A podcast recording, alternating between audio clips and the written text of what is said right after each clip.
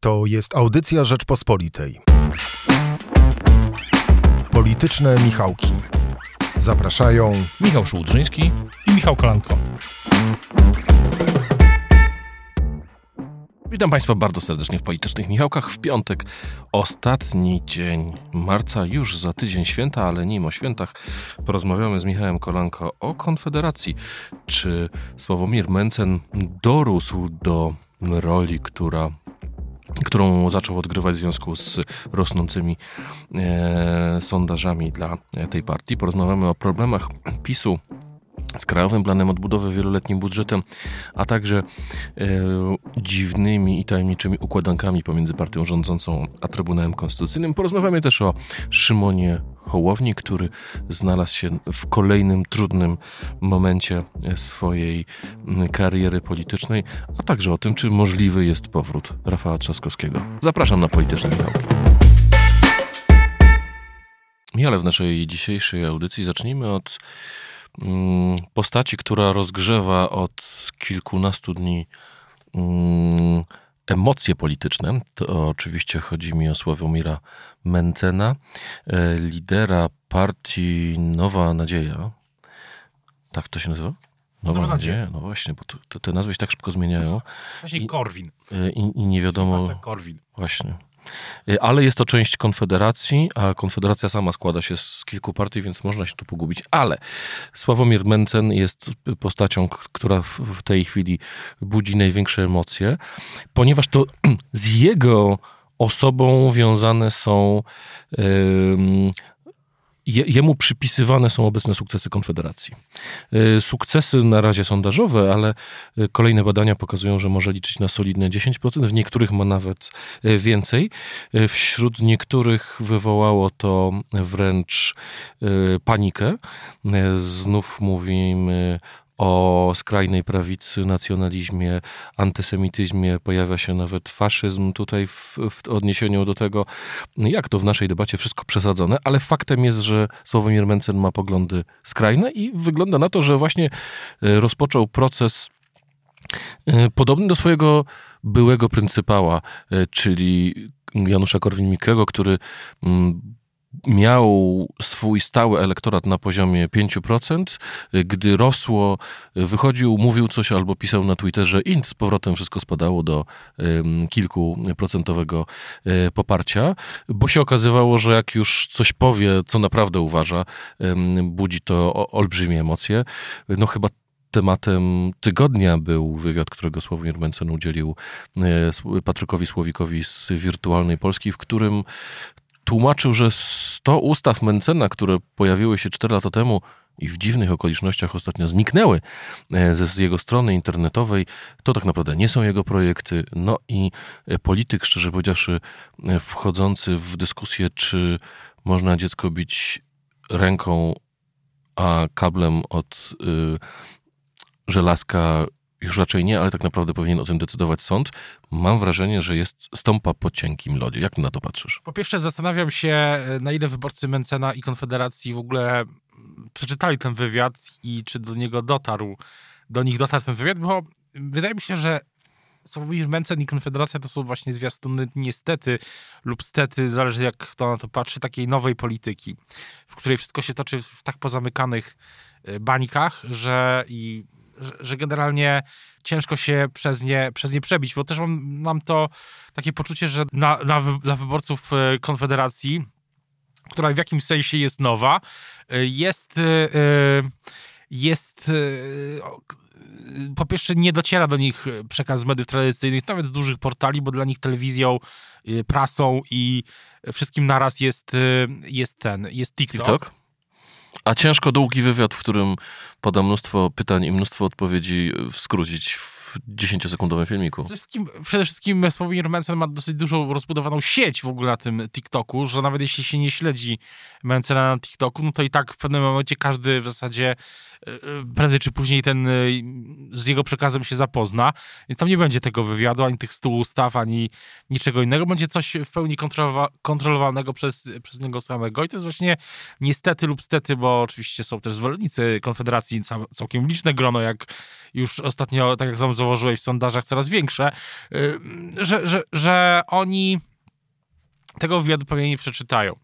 To jest tak, jak mówiłem, zwiastun tak zwanej tej nowej polityki, w której wszystko jest, toczy się na zupełnie innych zasadach niż, niż kiedyś, że nie ma jednej przestrzeni, w której się to wszystko debatuje. Nawet ten Twitter e, polityczny w Polsce, który oczywiście e, swoim klimatem przypomina Czarnobyl dzień po wybuchu w 86 roku. Grubo. Jest, no tak, tak to wygląda. No, każdy, kto był chociaż na minutę przez Twitterze, na Twitterze w Polsce politycznym, to, to widzi, że e, Czarnobyl był generalnie przyjemniejszym miejscem dzień po, po wybuchu w, w kwietniu 8.6 niż, niż polski polityczny Twitter, że nawet ten polski polityczny Twitter jest jak pewną wspólnotą, tam rzeczy są wspólne, tak? No, wspólny jest hejt, wspólne są e, pewne postacie, dosyć, e, niektóre dosyć kontrowersyjne, to użyję takiego słowa dyplomatycznego, ale na TikToku już w ogóle tego nie ma, te, te, tego nie ma, no bo jest tylko jedna Jeden algorytm, który to wszystko przeszukuje. Jeden algorytm, który to wszystko przeszukuje. Oczywiście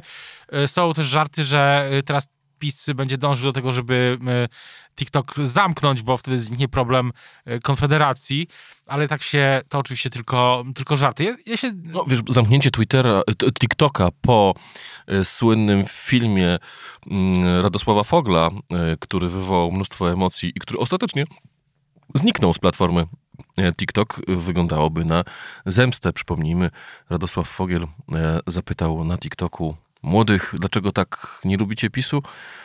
No i chyba od, natężenie odpowiedzi przekroczyło chyba jego najśmielsze oczekiwania. No zdecydowanie tak. Zresztą sam film później został usunięty przez, przez samego, przez TikTok. No ja mam wrażenie, że to nie, nie, nie, jestem pewny do końca, co kryje się za taką strategią. No ale, ale okej. Okay. Natomiast wracając do samego, samego Mencena, wydaje się, że i nowej, yy, nowej nadziei Konfederacji po pierwsze zastanawiam się, na ile to jest taki moment po prostu w tej kampanii, prekampanii, bo oczywiście formalnie kampania wyborcza nie trwa, nieformalnie no to wszystko, wszystko widać jak na dłoni. Na ile to jest taki moment, który przeminie za tydzień, dwa i Konfederacja wróci do swoich y, poziomów 7, 8, 9% w porywach.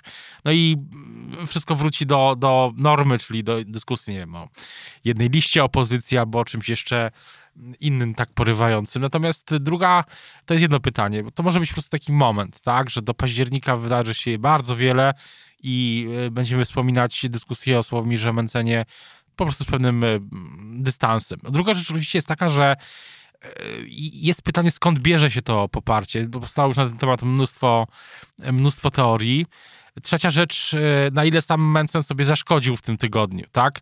Ja mam wrażenie, że mimo tego, co, o czym mówiliśmy wcześniej, że to wszystko jest pozamykane w tych bańkach i, i generalnie rzecz biorąc wyborcy Mencena pewnie tego wywiadu, czy tych wywiadów, bo to był wywiad z doktorem Rymanowskim, w którym padło to stwierdzenie tej nie, nierozerwalności, e, postulatu o nierozerwalności małżeństwa. Mm, Przypomnijmy tylko słuchaczom, chodziło o to, że e, Sławomir Mencen zaczął mm, sugerować, że ponieważ może zawrzeć ślub kościelny, a ślub kościelny z założenia jest nierozerwalny, to chciałby, żeby też była taka możliwość w polskim prawie, żeby był, były śluby e, nierozerwalne.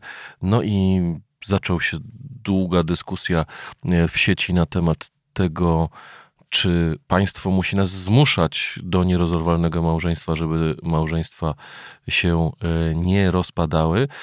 No i oczywiście pojawił się przy tej okazji wątek jego tak naprawdę umiłowania wolności, ponieważ no, właśnie e, zarówno wcześniej partia Korwin, jak i, jak i mm, e, Nowa Nadzieja e, Sławomira Mencena mówiły, to my jesteśmy tymi jedynymi, którzy opowiadają się za prawdziwą wolnością, no, a gdy tak poskrobać, okazało się, że um, niektóre ich tendencje, no nie boję się tego sformułowania, są mimo um, wolnościowej treści, są dosyć konserwatywnie zamordystyczne.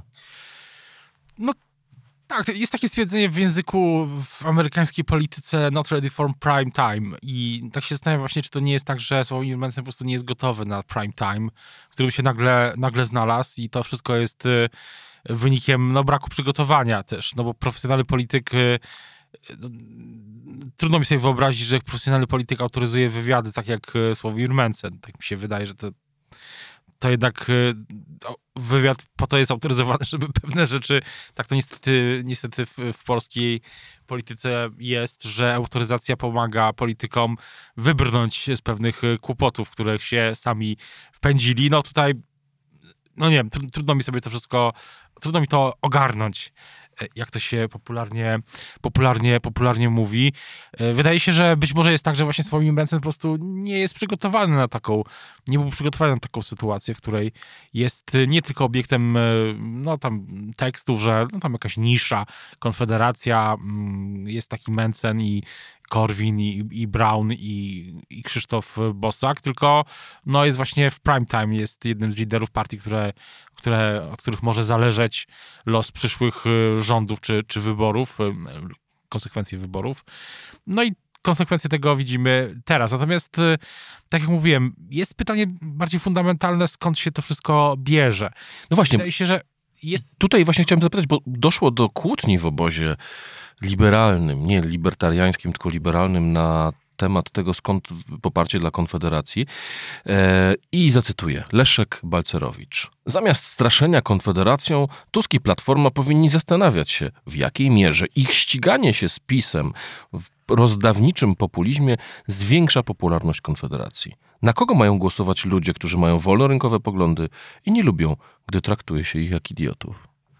Wczoraj, czy, inaczej, w tym tygodniu Paulina Henning-Kloska wystąpiła w, szefowa, ile się nie mylę, e, koła parlamentarnego Polskiego 2050 wystąpiła w jednym z programów porannych i tam zakwestionowała w ogóle cały ten pomysł Platformy o babciowym. Tak powiedziała, że Polska 2050 najprawdopodobniej tego w ogóle nie, nie poprze i, i tak dalej. Ja odczytałem to jako właśnie próbę zawalczenia o wyborców e, Mencena, tak, czy wyborców tych no, libertariańskich nawet, y, częściowo liberalnych w tym polskim, europejskim tego słowa znaczeniu, nie liberal jak w Ameryce, y, co oznacza tam po prostu lewicowy. lewicowy, tylko liberal, tak jak w Polsce rozumiemy to, czyli właśnie wolnorynkowo pro, pro pro-wolnorynkowy, no nie wiem, jakby to inaczej. Postępowo wolnorynkowy. Postępowo, tak jak kiedyś e, Nowoczesna była partią, która adresowała taki, takiego elektoratu mm, swoje, swoje postulaty. Teraz właśnie wydaje się, że tutaj ze strony Pauliny Henning-Kloski, Polskie 2050, może być taka próba, żeby po ten elektorat sięgnąć, bo Platforma, bo jest taka teza, którą, którą trzeba przebadać po prostu. Ja tutaj ją stawiam tylko jako taką rzecz, która się pojawia w tej dyskusji, że, że cała ta mm, sprawa z Konfederacją, zwłaszcza z tym, że e, popierają ją wyborcy z dużych miast, mężczyźni głównie, dobrze zarabiający. Jest o czym rozmawialiśmy też niedawno. No właśnie bierze się z tego, że Platforma przez ostatnie miesiące, lata już w zasadzie zaczęła... Przez osiem ostatnich lat Platforma... Nie, może przez osiem, nie, nie, nie przez osiem. Od powrotu Donalda Tuska w ostatni rok, tak?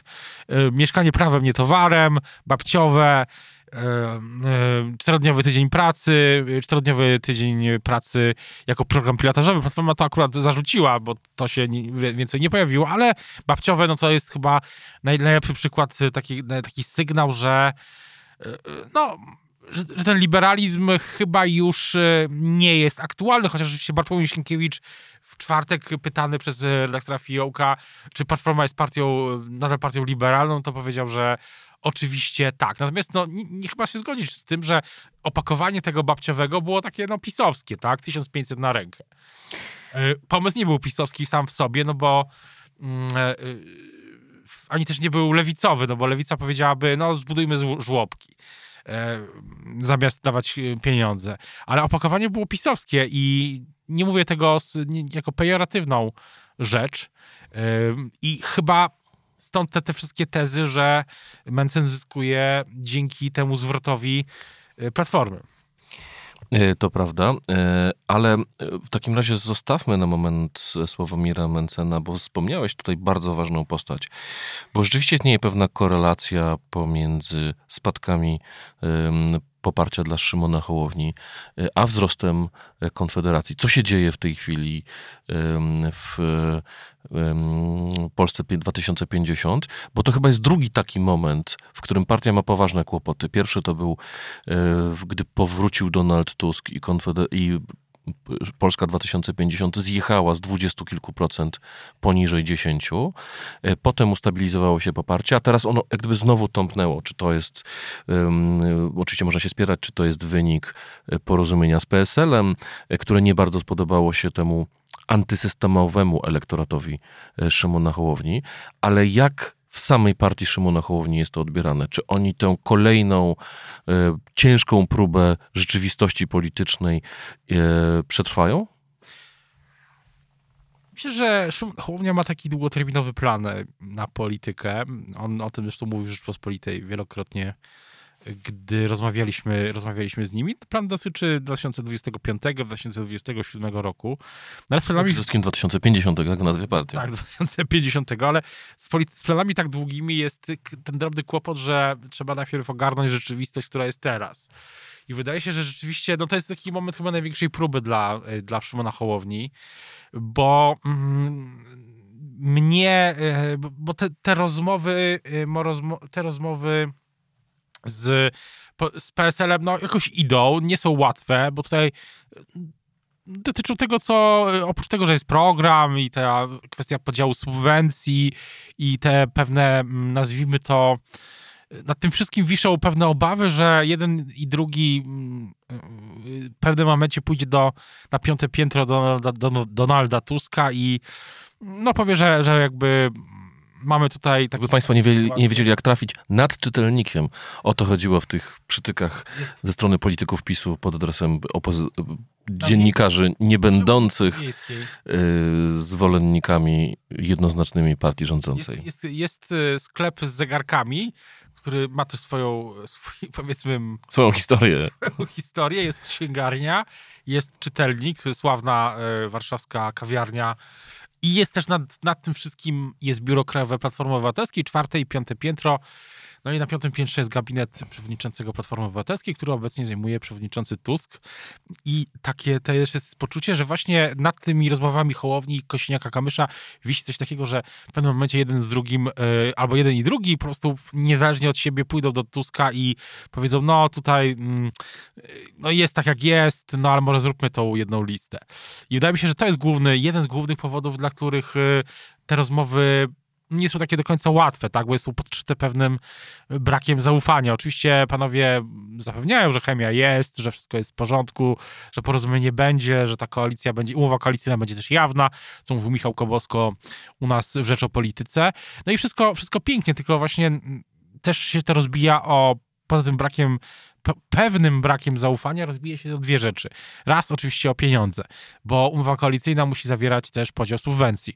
8% e, musi przekroczyć komitet koalicyjny, no i trzeba podzielić subwencje, a i z PSL-em i z Polską 2050 obie te partie mają e, PSL dłuższą, Polska 2050 krótszą historię, przeboje, jak to się mówi, z subwencją i z PKW. To jest jedna rzecz. Druga rzecz, no trzeba oczywiście podzielić też listy, miejsca. I w niektórych okręgach jest to prostsze, w niektórych jest to bardzo trudne. No i myślę, że te trzy, trzy sprawy się nakładają na to, że no nie ma takiego szybkiego szybkiego ogłoszenia tego małżeństwa politycznego, tak? Że to nie jest tak, że przed świętami jeszcze Hołownia i Kośniak-Kamysz pokażą światu umowę koalicyjną, no bo...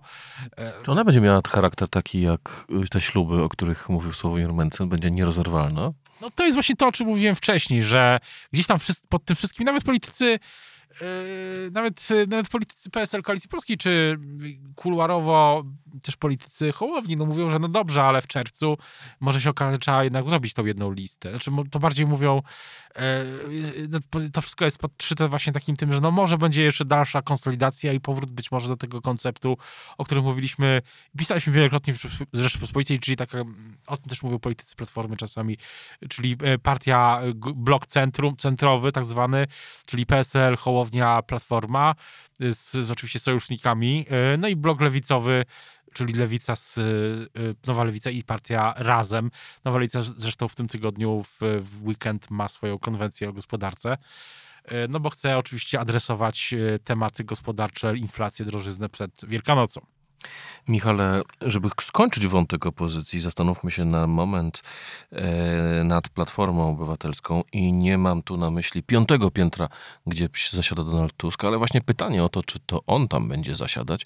E, tematem numer jeden w ostatnich dniach najrozmaitszych spekulacji był Rafał Trzaskowski. Czy Rafał Trzaskowski myśli o wejściu do polityki krajowej, powrocie do polityki krajowej? Myślę, że w tej To jest raczej szycie mu butów. No, myślę, że on w tej polityce krajowej w jakimś sensie jest. Oczywiście inaczej niż był, gdy no, trwa kampania prezydencka albo wcześniej, ale jest Kampus Polska e, Akademii, Kampus Polska Przyszłości, Kampus Akademii. Jest coś takiego, że e, jest, coś, jest to projekt, który trwa, tak? Byłem niedawno w Sosnowcu, relacjonowałem dla Rzeczpospolitej kampus Akademii w Sosnowcu. Był tam i Donald Tusk, i Rafał Trzaskowski i oczywiście politycy Platformy, ale nie tylko. Był też, była też młodzież ze Śląska i Zagłębia, bo warto podkreślić, Sosnowiec nie leży na Śląsku, tylko w Zagłębiu. Raz się kiedyś, parę lat temu mocno yy, naciąłem, mówiąc tak kolokwialnie, pisząc na Twitterze, że yy, jadę na Śląsk i do Sosnowca. Później wyprowadzono mnie z tego błędu, ale zostawmy geografię. Yy, Rafał Trzaskowski, myślę, mm, gdy jest, pokazuje się w sondażach, tak, to zyskuje dobre wyniki, tak? We wszystkich sondażach jest bardzo wysokie poziomy zaufania, e, bardzo dobre oceny, tak?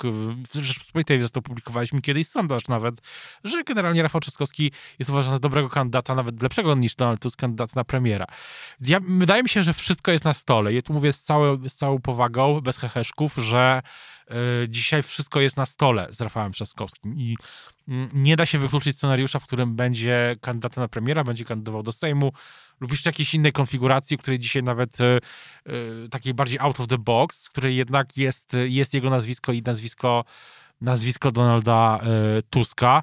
Myślę, że wszystko to się będzie rozstrzygało do ostatnich chwil. Wiem, że wybory PiS chciałby, żeby wybory były 15 października. I nie chodzi tu o żaden dzień papieski, tylko po no, to... Przy okazji, to się przy też okazji przyda. dzień nie, nie, nie zaszkodzi, a chodzi o to po prostu, żeby kampania była jak najkrótsza, no bo partia rządząca e, wie, czy zdaje sobie sprawę i Nowogrodzka sobie zdaje sprawę, że każdy tydzień, każdy dzień kampanii dzisiaj, no to jest potencjał do kolejnych, kolejnych afer, y, kolejnych głupich wypowiedzi, kolejnych y, tweetów y, też niemądrych, kolejnej sprzeczki na Twitterze, to akurat najmniej przyciąga uwagę, ale kolejnego też kryzysu realnego, jak ten ze zbożem, tak, który martwi polityków PiS moim zdaniem. I yy, dlatego kampania powinna być zanim PiS jak najkrótsza, żeby po prostu do kolejnych dwa tygodnie nie było tej młódzki, tylko no mamy też termin rolniczy, tak się, jak się wydaje, tylko żeby po prostu zakończyć to 15 października w pierwszym możliwym terminie. Więc y, może się, to, to jest termin, którym jesteśmy politycy związani, jeśli chodzi o tworzenie list. Tak, no bo otworzył się w pewnym momencie widełki, premier, prezydent, y, prezydent, prezydent freudowska pomyłka, prezydent Duda ogłosi termin wyborów, będzie trzeba do pewnego momentu stworzyć listy, zgłosić je do PKW. To jest jakiś taki twardy deadline dla Trzaskowskiego, ale wydaje mi się, że są inne możliwe konfiguracje. Także on na przykład jest wskazany jako kandydat na premiera bez kandydowania do Sejmu. A powiedz mi, jaka była, bo, bo byłeś w Sosnowcu, um, obserwowałeś kampus Akademii, obserwowałeś interakcję Tuska z salą, um, jego głównego organizatora kampusu, czyli Rafała Trzaskowskiego e, z salą. Jak to wyglądało? Czym to się różniło? Jaka była chemia też pomiędzy nimi? Ja powiem tak, że rozmawiałem nie tylko, e, nie tylko obserwowałem, też rozmawiałem oczywiście z politykami na miejscu i, i nie tylko. Pytałem właśnie o to chyba kluczowe dzisiaj pytanie, jeśli chodzi o opozycję, no bo co jeszcze opozycja może dzisiaj zrobić? Y, w sensie Platforma może stworzyć jedną listę albo skonsolidować dalej opozycję, no to idzie jak po grudzie. Y, może wskazać y, kogoś innego niż Tusk jako kandydata na premiera, no i może, no nie wiem, przedstawić, podpisać jakieś porozumienie, tak jak chciałby Czarzasty, o, o wspólnym rządzie, tak? Czy, czy pokazać coś w tym stylu, jakiś pakiet programowy, który już jest ze wszystkimi wynegocjowany, dotyczący całości y, rządzenia po wyborach, tak? To są takie trzy ogólne, ogólne sfery. Jedna sfera, powiedzmy, list, list i sfera polityczna, druga sfera premierowska, y, personalna i trzecia sfera y, rządzenia merytorycznego. No się oczywiście te trzy sfery nie, nie wykluczają, tak na dobrą sprawę. No i wydaje się, że i wracając do tej twojego pytania, wydaje się, że te relacje między Trzaskowskim a Tuskiem nie są takie złe, jak piszą o nich czasami koledzy i koleżanki, tak, z mediów. To znaczy, wydaje się, że Donald Tusk rozumie też doskonale sytuację, że... Mm, że ma swój, że, że, on sam ma liczne plusy, tak? Rozmawialiśmy o tym też kiedyś, e, na przykład no, dobrze wypada na takich spotkaniach, jeden na, e, spotkaniach w terenie, tak, że jest, e, świetnie kontroluje salę, emocje, polaryzację, to wszystko idzie super, no ale ma swoje minusy, tak? Ma plusy dodatnie i plusy, plusy ujemne. ujemne. No, te plusy ujemne dotyczą oczywiście jego kadencji, tak? I tego, co PiS przypomina codziennie, co 5 minut. I y, zdaję sobie sprawę, że Trzaskowski jest, jak to się kiedyś mówi, taką wielką strategiczną e, rezerwą Platformy, którą można... E, I sam Trzaskowski, myślę, też e, zdaje sobie sprawę, w jakiej jest sytuacji, w której oczywiście stawki są, stawka jest ogromna, bo dotyczy jego przyszłości, ale też jest prezydentem największego miasta w Polsce, z największym budżetem, z, największy, z ogromną odpowiedzialnością za całe miasto. I to wszystko się mi w tym wszystkim krzyżuje, ale ja uważam, że tak obserwując ich, że, że te relacje nie są tak złe, jak y, czasami się o nich, o nich mówi, że one są y, dobre, ale też mam takie poczucie, że rdzeń tych relacji, tej relacji znają tylko te dwie osoby, Tusk i Trzaskowski. I cała reszta częściowo czasami jest pewną projekcją na no, pewnymi też w grę wchodzą emocje otoczenia jednego i drugiego polityka, to są rzeczy nieuniknione w polityce na takim poziomie przywódczym, że tak się wyrażę, są pewne otoczenia, które no, też wchodzą w jakieś interakcje i z mediami, z, samą, z samym sobą. Mm, natomiast wydaje mi się, że tak jak mówię, wszystko jest na stole i może być tak, że, że mm, dowiemy się o tym, o tej ostatecznej decyzji dopiero na przykład we wrześniu albo na przykład w sierpniu, w ostatniej chwili na przykład albo będą tworzone listy, albo w ostatniej chwili kampanijnej. Natomiast zwróciłbym uwagę na jedną rzecz, że PiS jest, yy, obstawia ten scenariusz, bo po pierwsze yy, jest ofensywa wobec Trzaskowskiego w yy, medialna, narracyjna, tak, że Krzysztof Sobolewski, sekretarz generalny PiSu, jedna z najważniejszych osób Nowogrodzkiej mówi dubler o Trzaskowskim, że znowu będzie dublerem w kampanii i, i, w zasadzie, gdy tylko się pojawia nazwisko Tusk, no to politycy PiSu mówią, a, a ten Tusk, Tusk, Tusk, a poza tym Trzaskowski. Więc ewidentnie Nowogrodzka obstawia też taki scenariusz, co też samo w sobie jest znaczące. No popatrz, jak mówiono o sędziach dublerach, to PiS mówił, że nie wolno tego sformułowania używać. Ale to, co mówiłeś, przypomniało mi mm, rzecz, którą, e, jak wiesz, e, jest jedną z moich, e, z moich poza zawodowych hobby, czyli śledzenie polityki izraelskiej. Bo to jest wypisz, wymaluj kampania wyborcza w stylu Izraela. Przypomnę naszym słuchaczom, albo powiem, bo to może nie do końca wiedzą, że tam przed wyborami jest cała masa różnych procedur, które są określane. Na przykład partie dogadują się co do tego, że jeżeli któraś z partii dostanie głosów dających tyle, że mogą mieć połowę mandatu, no a nie cały mandat, to partie się dogadują ze sobą, że i składają w komisji wyborczej taką wspólną deklarację, że jeżeli dwie partie miałyby po pół mandatu i nie można ich rozdzielić między nich, no to one się umawiają, dla której z tych partii ten mandat e, przechodzi. Potem są deklaracje e, składane oficjalnie, kto z kim pójdzie w wyborach, a kto z kim nie pójdzie. I dzięki temu przed wyborami wiadomo mniej więcej, jakie dwa główne bloki. Rozumiem, że chodzi ci o to, że w polskiej polityce liczba tego typu wydarzeń, potencjalnych game changerów jest mała. W związku z tym mogłoby się okazać, że e, wejście Rafała Trzaskowskiego do gry jest tym trzymanym na sam koniec asem w rękawie, który będzie takim wywróceniem stolika? No myślę, że tak chyba... Bo mógłby być wywróceniem stolika? Tak chyba o tym, tak chyba o tym myśli też, e, też Platforma. Nie, użyłem tego ironicznego może stwierdzenia o wielkiej rezerwie strategicznej, bo tak kiedyś Tusk powiedział o Schetynie dawno temu. Jakie były... Natomiast y, myślę, że strategicznie rzecz biorąc, to jest coś, co może być po prostu użyte, takie zagranie jak w kartach y, gdzieś pod koniec kampanii, z, z, takim poczuciem, żeby też nie zużyć samego Trzaskowskiego, bo w tej polityce dzisiaj jest tak, że te wszystkie tematy się wypalają, zużywają, też politycy się wypalają. No, rozmawialiśmy na początku o Sławomirze Mencenie. Być może to jest jego, te jego pięć minut w tym tygodniu, to było jego ostatnie pięć To jest jego prime time, do którego się nie przygotował. Nie przygotował. E, Michale, na koniec e, dwie ważne rzeczy. Pierwsza, kryzys zbożowy. E, to jest ten moment, w którym Michał Kołodziejczak ma szansę wejść pod, ponad próg wyborczy? Myślę, że myślę, że tak samo jak powiedzieliśmy wcześniej, że ta kampania będzie miała wiele zwrotów akcji, ja uważam, że, że Michał Kołodziejczak porozumienie z porozumieniem ma y, w tych korzystnych dla siebie warunkach szansę też za jakiś czas po prostu wystrzelić, tak jak y, wystrzelił, wystrzeliła Konfederacja i będziemy się za parę miesięcy albo parę tygodni zajmować, omawiać w podcaście właśnie Michała Kołodziejczaka, który był też gościem Jacka Nizinkiewicza w tym tygodniu w Rzeczypolityce. Odsyłamy do tej rozmowy, ale wydaje się, że właśnie tak, że Michał Kołodziejczak ma taką... Bo on, powiedzmy sobie szczerze, on obstawił kryzys zbożowy kilka miesięcy temu. Tak, gdy Polska powiedziała... Mówił o tym wcześniej. Tak, niż... Gdy Polska powiedziała, ok, skoro Ukraina ma kłopot ze, ze sprzedawaniem zboża, to my Ukraińcom pomożemy. A on wtedy powiedział, dobrze, tylko że to zboże nie może stać na naszym rynku, bo zachwieje cenami. I były obietnice, że to zboże będzie od razu transportowane do e, dalej, tak, w ramach tych różnych porozumień zbożowych. Przede wszystkim chodziło o Afrykę, e, żeby tam nie doszło do głodu i tak dalej, i tak dalej. No ale okazało się, że trochę e, racji Kołodziejczak wtedy miał. Część tego zboża zostaje w Polsce i stało się tak, jak ostrzegał, czyli zaburzyło rynek naszych cen. Tak, e, w Rzeczpospolitej w, w tym tygodniu dosyć uważnie, dosyć jak zwykle śledziliśmy ten temat w ogóle od samego początku. Też pamiętam, pisałem taką jedynkę Rzeczpospolitej parę ładnych miesięcy temu, że Amerykanie będą wspierać Polskę w budowie silosów na granicy co chyba się po prostu w ogóle nie wydarzyło, tak? I yy, te silosy tymczasowe nie powstały.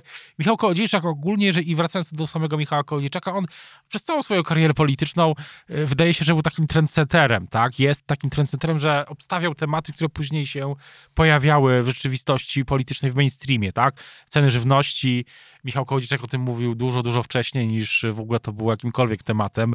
Kiedy dzisiaj każdy o tym, każda partia o tym mówi i też yy, wszyscy o tym piszą, no to Michał Kołodziejczak, Agrounia, jeszcze dużo wcześniej niż było to porozumienie z porozumieniem, no, no to on to obstawiał, wizyty, przecież pokazywał ceny, tak, wizyty w sklepach, live'y e, w mediach społecznościowych i też obstawiał temat e, żywności czy zboża z Ukrainy. Oczywiście ten temat jest e, dosyć o tyle złożony, że łatwo, bo inaczej, że, mm, że politykom też o tyle trudno o tym mówić, że no łatwo się narazi na zarzuty dotyczące no, ulegania pewnej e, narracji, która wiadomo skąd przychodzi, tak? I dlatego ten temat moim zdaniem tak łatwo, yy, tak, też w pewnym sensie późno zaistniał w mainstreamie, ale teraz absolutnie jest w mainstreamie. Słucham polityków PiS, którzy mówią, że potrzebne są radykalne kroki, yy, jeśli chodzi o to zboże zakładam, że pewnie w tym gdzieś wszystkim jest dymisja ministra Kowalczyka, wicepremiera, żeby pokazać, że to jest, e, no nie powiem brzydko kozioł ofiarny, no ale ktoś za to wszystko odpowiedzialny. No bo dzisiaj... my minister, minister Kowalczyk został wicepremierem, żeby właśnie rolnikom pokazać, jak wa dla ważne napisy z rolnictwa. No I był ten okrągły stół w tym tygodniu. Ja myślę, że y, nie że efekty, że PiS bardzo się cieszy z tego, że te wybory są prawdopodobnie 15 października, a nie na przykład dzisiaj, bo moim zdaniem gdzieś tam potencjał do demobilizacji wyborców na wsi, na wsi. bo oczywiście rolnicy, przedsiębiorcy, w zasadzie ci, którzy mają duże gospodarstwa, to nie jest e, nawet większość, nawet nie jest, to jest pewien ułamek, powiedzmy sobie szczerze, e, wyborców na wsi, tak, tam jest, ten elektorat jest dużo szerszy, ale jednak nastrój to tworzy i to nastrój też przed Wielkanocą, nagramy jeszcze pewnie jeden odcinek przed Wielkanocą, gdzie pewnie się będziemy tym wszystkim zajmować, o czym Polacy mogą I rozmawiać. Podzielimy się z Państwem jajeczkiem. Wielkanocnym stołem, ale to jest jeden temat, który na pewno na przy wielkanocnych stołach na wsi może się pojawić. Ktoś zbankrutował, y, są problemy, to zboże y, z Ukrainy przyjechało, nie jest kontrolowane, jest kłopot, tak? To jest jedna rzecz. A druga sprawa w tym tygodniu, myślę, jeśli chodzi o Prawo i Sprawiedliwość, no to są kwestie dotyczące Trybunału. Bo... Właśnie, pozwól mi zadać to pytanie, ponieważ nie mogę tego pytania nie zadać. Napisałeś dwa dni temu z okolic PiS nieoficjalnie słychać, że wyrok Trybunału w sprawie ustawy o Sądzie Najwyższym, co może blokować KPO, może zostać wydany już do końca kwietnia. To ostrożne szacunki, to by oznaczało potencjalne przełamanie impasu wokół e, Krajowego Planu odbudowy. I teraz pytanie jest moje i zadaje je cały Twitter. Czemu Michał Kolanko podał informację o tym, że PiS po cichu dogaduje się z Trybunałem Konstytucyjnym, a nie dość się oburzył? Ja, bardzo, bardzo dobre pytanie, bo na przykład przeczytałem też e, z pewnych sfer taki tweet, że to jest okropne, że Kolanko opisał rzeczywistość, a się nie oburzył.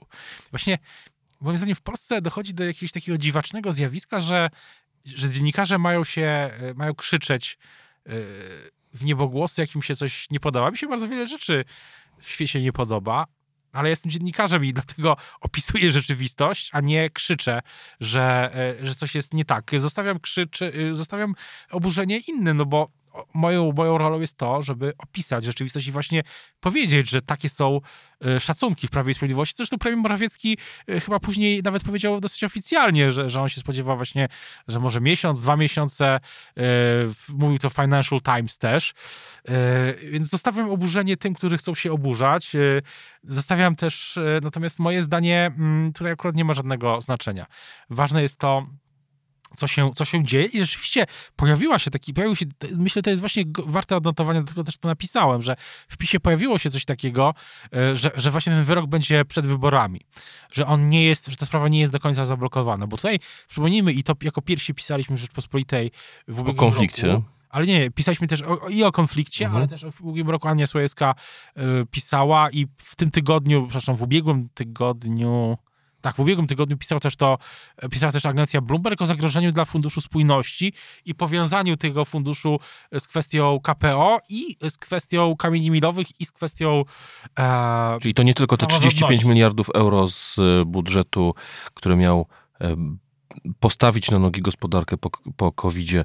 Od COVID-u minęły już 3 lata, a myśmy tych pieniędzy ciągle nie dostali, ale chodzi o ten wielki siedmioletni budżet kolejnych 75 miliardów euro. Ja uważam, że o ile KPO już jest zdrukowane trochę w tą scenę polityczną i moim zdaniem też w poparcie dla wszystkich partii, może to jest przyczyna, dla której PiS nie ma 40%, a 30, no w porywach 35%, to y, zablokowanie budżetu głównego to już nie jest taka historia, którą można sobie y, powiedzieć, o, tam Unia zła, coś tam zakazuje nam tam samochodów i nie daje też pieniędzy.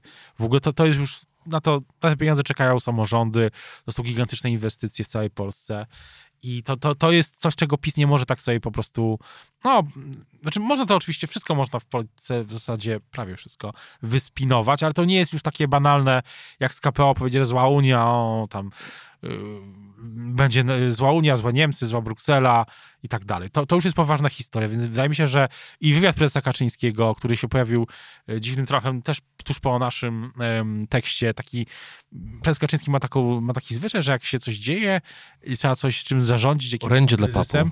Orędzie dla ładnie to ująłeś, orędzie dla pap, ale tutaj pozdrawiamy pozdrawiamy pracowników Polskiej Agencji Dziennikarzy, Polskiej Agencji Prasowej, że no, jest taki wywiad, taki emergency i wydaje się, że to był taki moment, kiedy ktoś nacisnął na nowogrodzki guzik, że trzeba u, użyć tego um, orędzia dla pana. Wunderwaffe. Wunderwaffe, mówiąc... Michale, tu musimy postawić kropkę, dlatego no, że... Macie na pewno jeszcze, do tego tematu na pewno jeszcze wrócimy. Musimy przeprosić naszych słuchaczy, ale o złej Unii, złych Niemczech w tym odcinku podcastu mówić nie będziemy. Nie, odbieraniu, o odbieraniu paszportów też nie będziemy. O odbieraniu paszportów nie będziemy mówić i nie będziemy też mówić o tym, że Unia Europejska zakazała, postanowiła zakazać sprzedaży nowych samochodów osobowych e, po 2035 roku. Nie będziemy tu rozmawiali o robakach, aczkolwiek o nich możecie Państwo przeczytać w magazynie Plus Minus.